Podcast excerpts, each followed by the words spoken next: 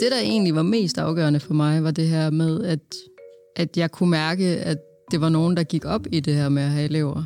Altså virksomheder, der siger, hey, vi har faktisk de bedste elever. Hvor man føler, at, at de går op i det mere end bare billig arbejdskraft. Velkommen til Lærermesters værktøjskasse. En podcast med gode råd og værktøjer til dig, der uddanner elever og lærlinge inden for gardneri, land og skovbrug. Podcasten er iværksat af Jordbrugets Uddannelser, repræsenteret af GLSA, 3F og Landbrug og Fødevare, og din vært er Karin Eggersberg. Små årgange og mangel på arbejdskraft, det lyder som en udfordring. Og hvis du som mester eller oplæringsansvarlig synes, det er en udfordring at få arbejdskraft og særlige lærlinge til din virksomhed, så lyt med i dag, fordi i dag skal vi tale om, hvordan vi rekrutterer din næste knalddygtige lærling. I indledningen der hørte du Isabella Damgaard fra Jordbrugets Uddannelsescenter i Beder, og da hun i sin tid ledte efter en læreplads, der kiggede hun efter et sted, hvor de gik op i det her med at uddanne lærlingene frem for blot at ansætte billig arbejdskraft. Og det perspektiv, der har vi hørt rigtig mange gange før fra de unge. Og i dag, der får du endnu mere indblik i, hvad de unge kigger efter, og også hvor de kigger efter en læreplads. Senere tager vi på besøg hos Johansens Planteskole og hører, hvordan de lykkes med at rekruttere lærlinge. Og så har jeg som altid en gæst i studiet, der vil kommentere på det, vi hører fra virksomheden og de unge. Rasmus Lindgaard, velkommen til dig. Tak for det. Du er tidligere forsker, og øh, så her i studiet i dag, der er du ekspert, men du kan lige præsentere dig selv. Ja, Jamen, jeg hedder Rasmus og er ansat som videnschef i Compagnon. Øhm, og så er det rigtigt, jeg er tidligere forsker, der har jeg øh, forsket i, i netop, hvordan øh, man træffer beslutninger, hvordan, man, altså, hvordan tanker opstår. Og det er jo sådan set det, jeg så anvender nu i forhold til at forstå ungdommen i deres, deres uddannelsesvalg, deres karrierevalg. Altså hvorfor er det, de vælger det ene frem for det andet. Øhm, ja, det er sådan... ja, den korte historie om ja. dig. Så øh, nævner du Compagnon. Vi skal også lige høre lidt om, hvad er Compagnon for en virksomhed? Jamen, Compagnon er et øh, konsulenthus, som er specialiseret i at hjælpe øh, virksomheder, uddannelsesinstitutioner og andre organisationer med at, med at tiltrække og fastholde øh, den her ungdomsgeneration. Og det er, så, øh, det er der, vi så på mange måder er, er datadrevet, hvor jeg så er i spidsen for det med i forhold til at skabe viden omkring det her område. Så finde ud af, hvad er det egentlig, der gør sig gældende, når de unge vælger en virksomhed frem for en anden. Hvordan opfører de sig på sociale medier? Hvad er vigtigt for dem, når de vælger uddannelse? Hvad er deres kendskab til uddannelse? Så videre, så videre. Spændende. Ja, når man vil rekruttere lærlinge, så handler det jo i første omgang om at komme i dialog med dem. Og der hører vi jo ofte, at man skal være der, hvor målgruppen er. For eksempel, at vi skal kommunikere med de unge på de platforme, hvor de nu er. Men, øh, men hvor er så det? Og for at vi kunne finde ud af det, så kørte min mand i marken, Søren Prehn, ud og talte med nogle lærlinge om, hvad de har gjort, dengang de skulle finde en læreplads. Her er det Isabella Damgaard, Ida Børsting og Søren Bøjsen fra Jordbrugsuddannelsescenter i Beder. Det er egentlig lidt svært helt at, at få et overblik over de lærepladser, der er. Den første fandt jeg på Google. En helt almindelig Google-søgning. Og så har det ellers været, øh, været en, ting, jeg har hørt. Man ser jo også mange på sociale medier. Jeg, jeg følger flere virksomheder på, ja, på Instagram og LinkedIn og Facebook og sådan nogle ting. Jeg brugte den der praktikportal, læreplads.dk. Den, den var meget vag øh, og upræcis.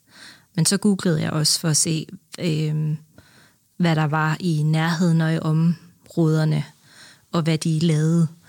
Og så hvad for mit andet praktiksted, det var, det var simpelthen at snakke med mine klassekammerater, øh, og høre, hvad de, hvor de havde været henne, og hvad de havde oplevet, hvad der, hvordan tingene blev produceret. Min læreplads, den kommer øh, fra skolen, hvor, hvor min virksomhed har, har henvendt sig til skolen og sagt, at de øh, søgte elever. Øh, og så kunne skolen fortælle noget om virksomheden, sagde, at det var en god virksomhed. Og så tænkte jeg, men, det kan jeg da godt prøve. Så ringede jeg over og snakkede med dem, øh, og sendte en ansøgning. Og så står jeg så her nu. Når vi får at vide, at her er en god virksomhed, øh, skolen siger, øh, de kan stå indenfor som søger elever, så, så er det jo næsten ikke, kan det næsten ikke være nemmere.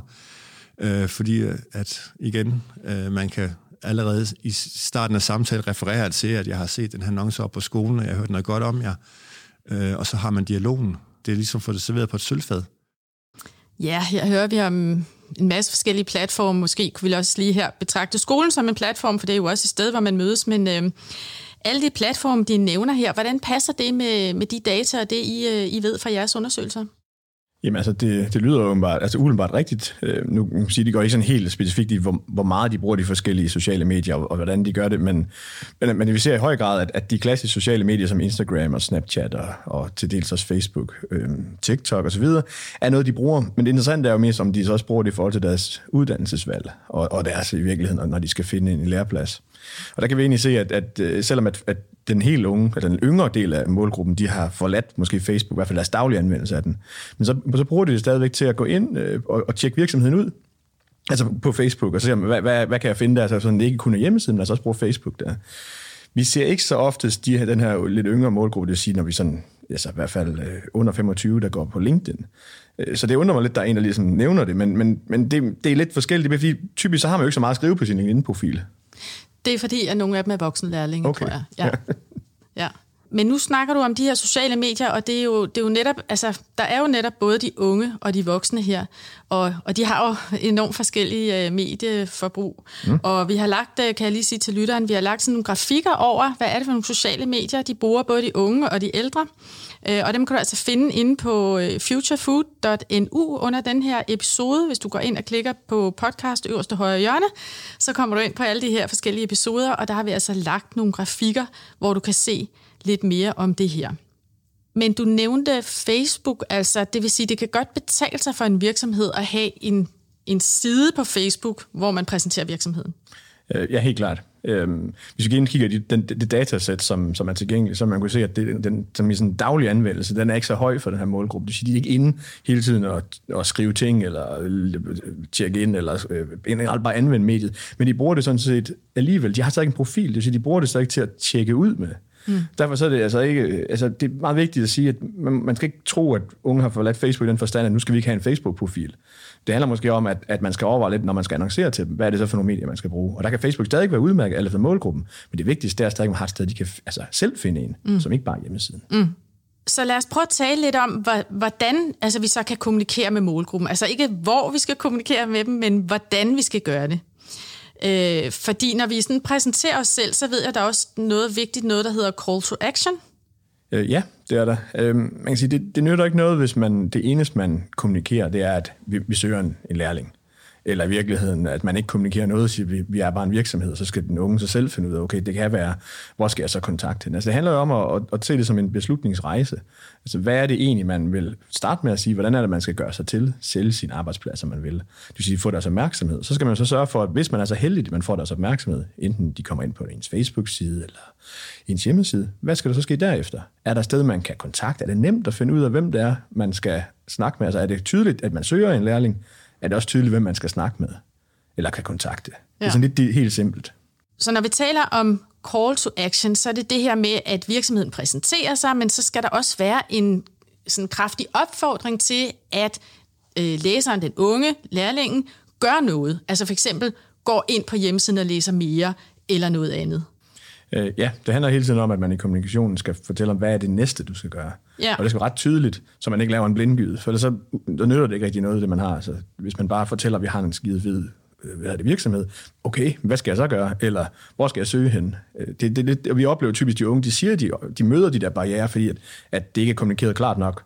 Hvad skal man? Hvad, ved, hvad kan jeg ellers finde ud af om virksomheden? Altså, de, det, det, det er det der med at gøre det, altså gøre det nemt ja. og tydeligt, hvad man, hvad man har dem til, og hvor de kan finde mere information. Ja, og, og så, øh, så når de så for eksempel kommer ind på virksomhedens hjemmeside, hvad vil det så være godt at, at vise dem der? Jamen altså, helt tydeligt, så er det jo sådan, altså simpelt, så er det godt at vise, at man rent faktisk søger en lærling.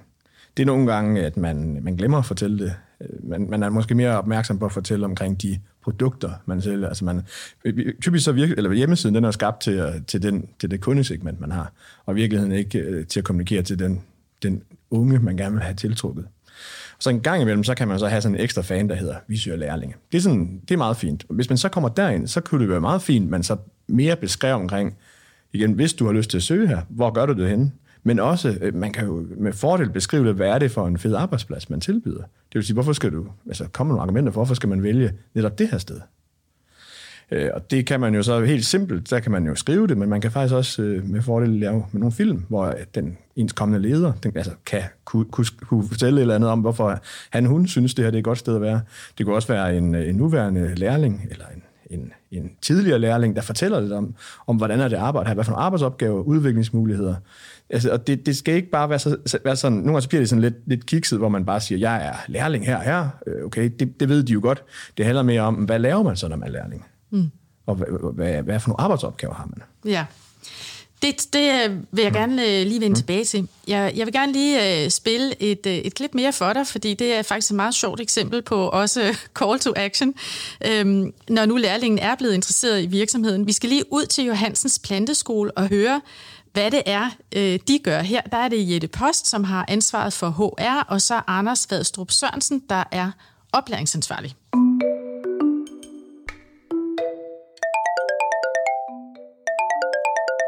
Hej Anders, det er Jette.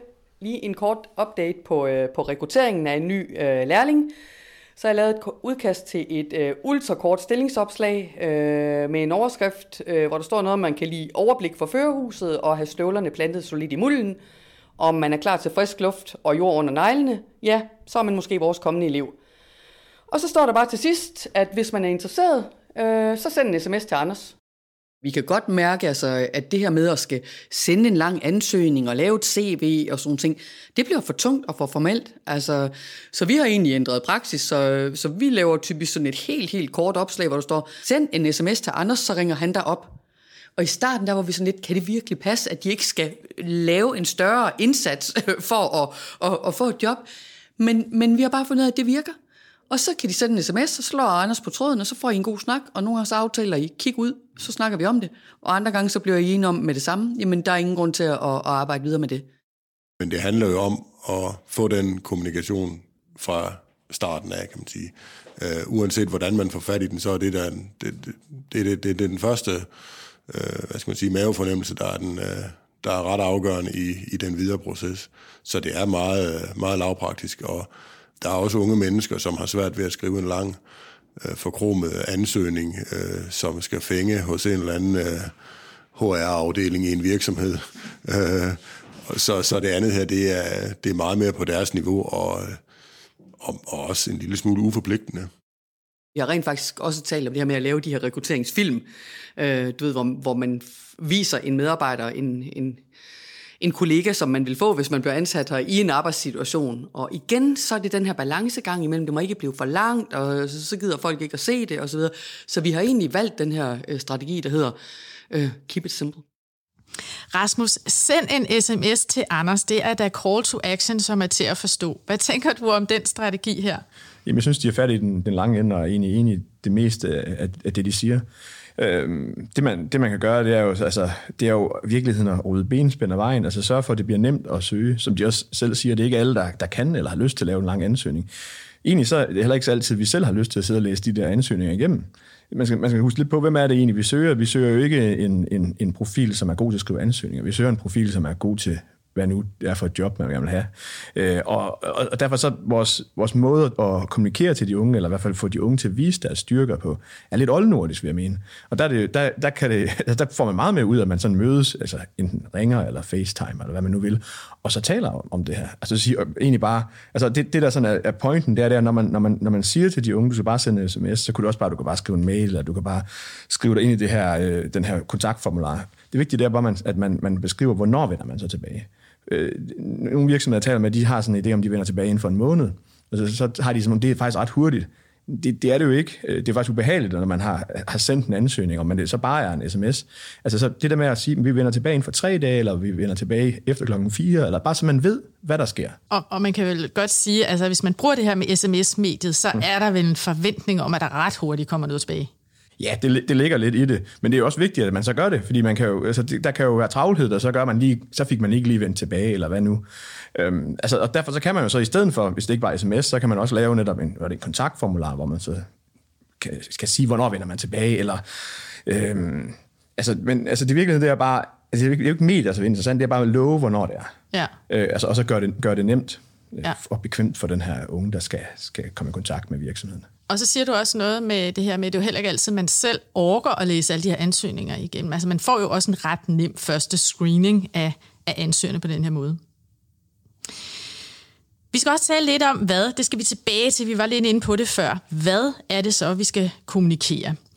Øhm, jeg så et af jeres øh, webinarer forleden, og her hæftede jeg mig ved, at det faktisk er 73 procent, altså det vil sige, det er næsten 3 ud af 4, som fremhæver, at et godt indtryk af det sociale miljø i virksomheden er et meget vigtigt valgkriterie i forhold til at skulle vælge en læreplads.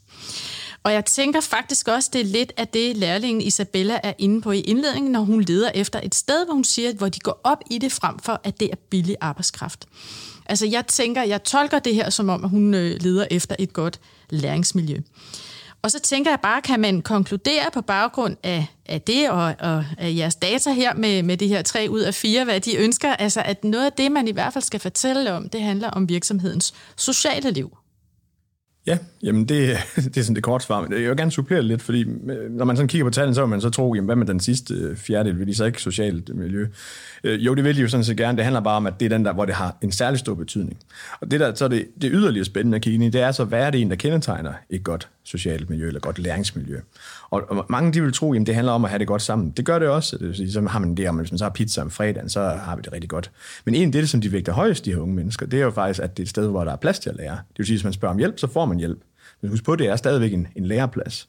Øh, så det, vi, fordi vi i vores undersøgelser tester vi også af, altså, hvad er det egentlig, hvordan de sådan selv definerer det. Og der er det så det, der, den, den, kan man sige, det, det beskriver mest om, det er den her, hvordan man lærer af hinanden, eller man har plads til læring, og så er der så også, at selvfølgelig, at man taler ordentligt til hinanden, man, øh, man har det godt sammen, og i virkeligheden også plads til forskellighed. Men det er altså den der læring, der, der er vigtigt. Og, og hvordan kunne man fortælle den historie, altså uden at det bliver sådan en lidt mere øh, kedelig skriftlig øh, opremsning? Jamen altså, det synes jeg jo, at man, man kunne gøre netop ved... Altså, jeg synes ikke altid, man, man kan godt skrive sig ud af det, men det vil faktisk være nemmere at lave en film, hvor mm. at, at øh, den, den her potentielt kommende leder beskriver selv, hvordan han, hun laver et læringsmiljø og sørger for, at, at lærlingen rent faktisk lærer noget. At man går op i det, man tager det faktisk seriøst, det at have, have lærling. Det kan de unge faktisk godt lide at blive taget seriøst. Men altså, hvor man beskriver, hvordan er det egentlig, vi sørger for, at du som, som lærling udvikler dig, og så kan man jo så samtidig supplere det med en, en, en lærling, der også fortæller, hvordan han, hun oplever det her, øh, det her læringsmiljø. Og, altså, det skal jo ikke være noget, man finder på, det skal jo være noget, noget der er ægte, der sådan sker, men der må man jo have sin egen øh, kan man sige, læringsplan for, hvordan er det rent faktisk, man som virksomhed arbejder med de her unge mennesker. Og det er egentlig sådan, det, sådan set bare det, man skal fortælle. Mm. Lad os lige høre et klip mere ud fra Johansens planteskole, hvor øh, Jette, hun, øh, hun fortæller altså lige her til en start, fortæller hun også om, hvad det er for nogle platforme, de bruger, det har vi været inde på. Men øh, jeg har gemt det her klip, fordi hun til sidst netop også øh, fortæller noget om det, som du også er inde på nu, det her med, kan man bruge lærlingene, øh, dem man har allerede i, i sin rekruttering. Lad os prøve at høre det. Det kan godt være, at vi stadigvæk er lidt for konservative der, øh, og siger, vi, vi er på de der helt gængs, altså vi har vores LinkedIn-profil, og, og, øh, og så får vi sendt nogle opslag. Vi har ikke en, vi har ikke en firma-Facebook-profil, men, men der er jo rigtig mange af vores medarbejdere, der er på Facebook, så når de kan se, at vi har et opslag på LinkedIn, så smider de det på deres egen øh, Facebook-profil.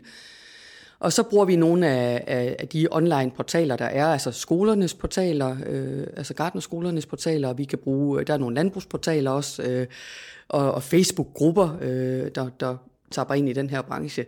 Så det er egentlig der, vi er. Det aller, aller vigtigste for os, det er altså den her mund-til-mund-metode, at det rygtes, at her er det godt at være. Øh, og det tænker jeg også ved, at, øh, at flere er blevet ansat her efterfølgende. Det, det viser også, at, at det har været et godt sted at være øh, for dem, for ellers så, så ville de jo ikke det.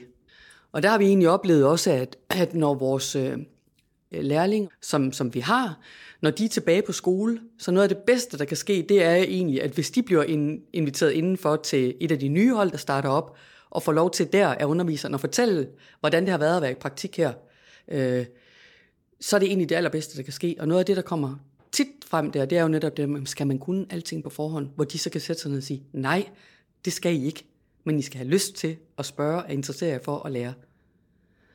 Så, så det betyder rigtig meget, tror jeg, for, for, den, for, for de kommende øh, lærlinge og elever, at de kan tale med nogen, der har prøvet det. Ja, her er vi jo så lidt inde på det her med lærlingen som ambassadør og en, der kan svare på nogle af alle de spørgsmål, øh, som man har, når man slet ikke kender noget til området. Hvad, hvad tænker du om det? Jamen, jeg synes, det, det giver rigtig god mening. Det, er jo, det bliver jo mere, mere ægte, at det er en rigtig øh, person, en rigtig lærling, som sådan set fortæller ærligt omkring, hvordan er det at være hos den pågældende virksomhed. Og, og, jeg, og jeg kan sagtens føle, at de siger, at det giver rigtig god mening, eller det giver rigtig meget værdi for dem, når de får lov til at stå inde i, i, i klasserummet og tale omkring det her. Men jeg synes egentlig, at man skal, altså, man skal tage den, den, de, den positive fortælling, skal man jo forsøge, at man kan bruge sig i sin, i sin kommunikation til, til, til den mere sådan gængse ungdom. Altså, hvis nu øh, den her pågældende virksomhed, de kunne jo godt være, at de skulle prøve at få den der Facebook-side der til op at køre, hvor så de der historier kunne være, eller film af nogen, der fortæller om det her kunne være der, eller, eller man er inde på din hjemmeside har nogen, der, der laver de der fortællinger. Det, er jo ikke, det handler ikke om at konstruere nogle, nogle, nogle reklamer. Det handler sådan set bare om, at det, de alligevel fortæller ude i klasserummet, det kunne man også godt have digitaliseret. Og så når man altså mere ud. Og så lige sådan øh, ekstra supplerende, det er jo, at, at jeg, det er jo også, altså vi, vi er jo ikke, det er jo ikke nogen ud, eller hemmelighed eller udfordring er, at der er, der er for få unge, der tager en erhvervsuddannelse. Det handler jo også om, at der er en masse rygter og images, der, der typisk er forkerte. Men, men hvis man som virksomhed kan, kan altså, bidrage til at løse den udfordring, så bliver det jo lettere, at man, man kan, de der positive fortællinger skal ud blandt dem, der måske ikke har taget en erhvervsuddannelse endnu.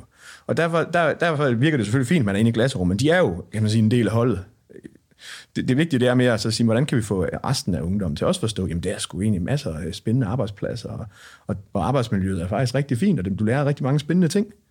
Øhm, og det kan man jo så som virksomhed bidrage med yderligere. Øhm, Udover at man altså også får, altså, forstærker sit image, man får øh, højst sandsynligt lemmer ved at tiltrække. Øhm, man skal huske på, at den her virksomhed, som er ude i glasrummet, det er jo skide fedt, men hvad sker der, hvis der er nogen, der så hører om dem og får vildet sig ind på deres hjemmeside eller, eller Facebook-side, der ikke, der ikke findes, men så, så er der jo de der benspænd igen, så møder de jo ikke den der positive historie, som man faktisk har. Og det er jo lidt det der paradoks ved, at det er faktisk først, når man er startet i en virksomhed, man finder ud af, hvor fedt det er at være der. Altså vi har sammen nogle gange problematik, at hvis, hvis der er en, jeg har en kollega, der fortæller mig øh, tre måneder efter, de starter, det her det er bare mega fedt, det vidste jeg altså ikke. Jamen, det, det er lavligt, fordi hvorfor har vi ikke brugt det i vores rekruttering så? I vores tiltrækning? Altså, så må vi blive bedre hele tiden til at kommunikere omkring det. Så det er sådan lige sådan, øh, hvordan man kan bidrage mere, kan man sige generelt, men også øh, positionere sig stærkere i, øh, i, i verden.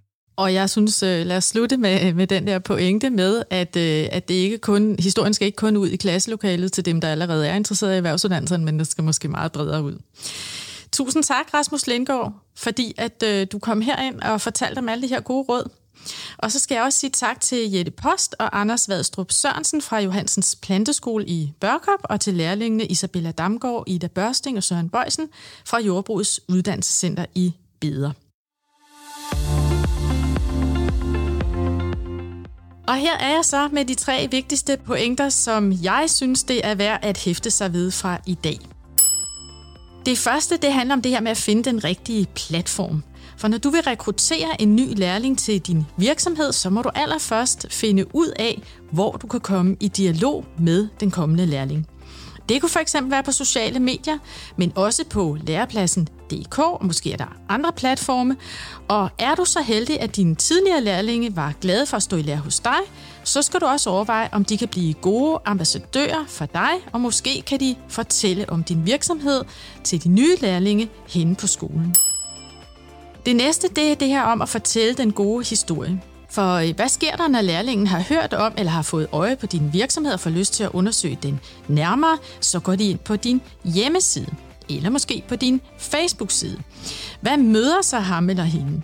Et godt råd her, det er at lave en side, et, et univers specielt til interesserede lærlinger. Her kan du fortælle om den gode historie om virksomheden og fokusere på det sociale miljø og på læringsmiljøet, for det ved vi er vigtige valgkriterier for rigtig mange lærlinge.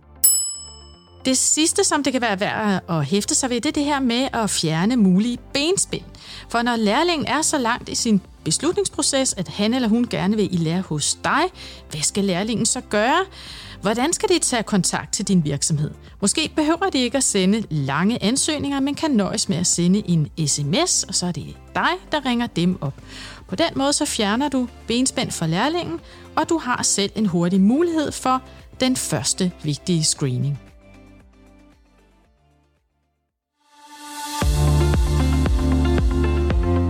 Du har lyttet til Lærermesters værktøjskasse. En podcast med gode råd og værktøjer til dig, der uddanner elever og lærlinge inden for gardneri, land og skovbrug.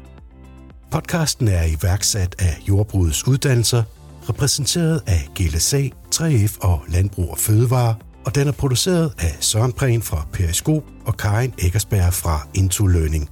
Find Lærermesters værktøjskasse og alle de gode råd, tips og tricks samt ressourcer fra de enkelte episoder på futurefood.nu, altså futurefood.nu.